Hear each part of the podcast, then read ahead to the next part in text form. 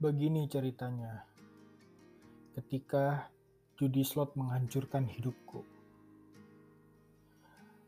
Pertama awal dikasih menang sampai 22 juta.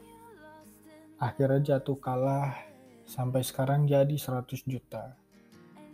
Sem sekarang semua orang sudah mengecap dan menjauhi saya.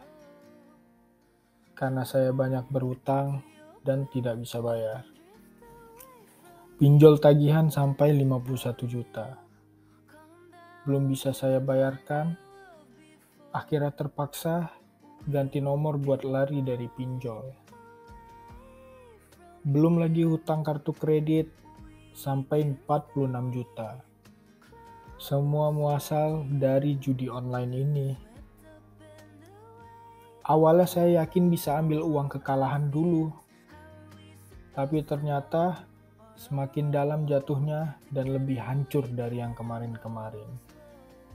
Bahkan tega pakai uang saudara sendiri yang jelas-jelas itu dengan susah payah cari ke bosnya dengan hutang dicicil.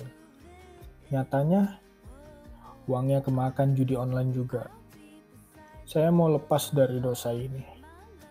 Semoga dengan ganti nomor ini, saya sementara lari dari pinjol dan kartu kredit.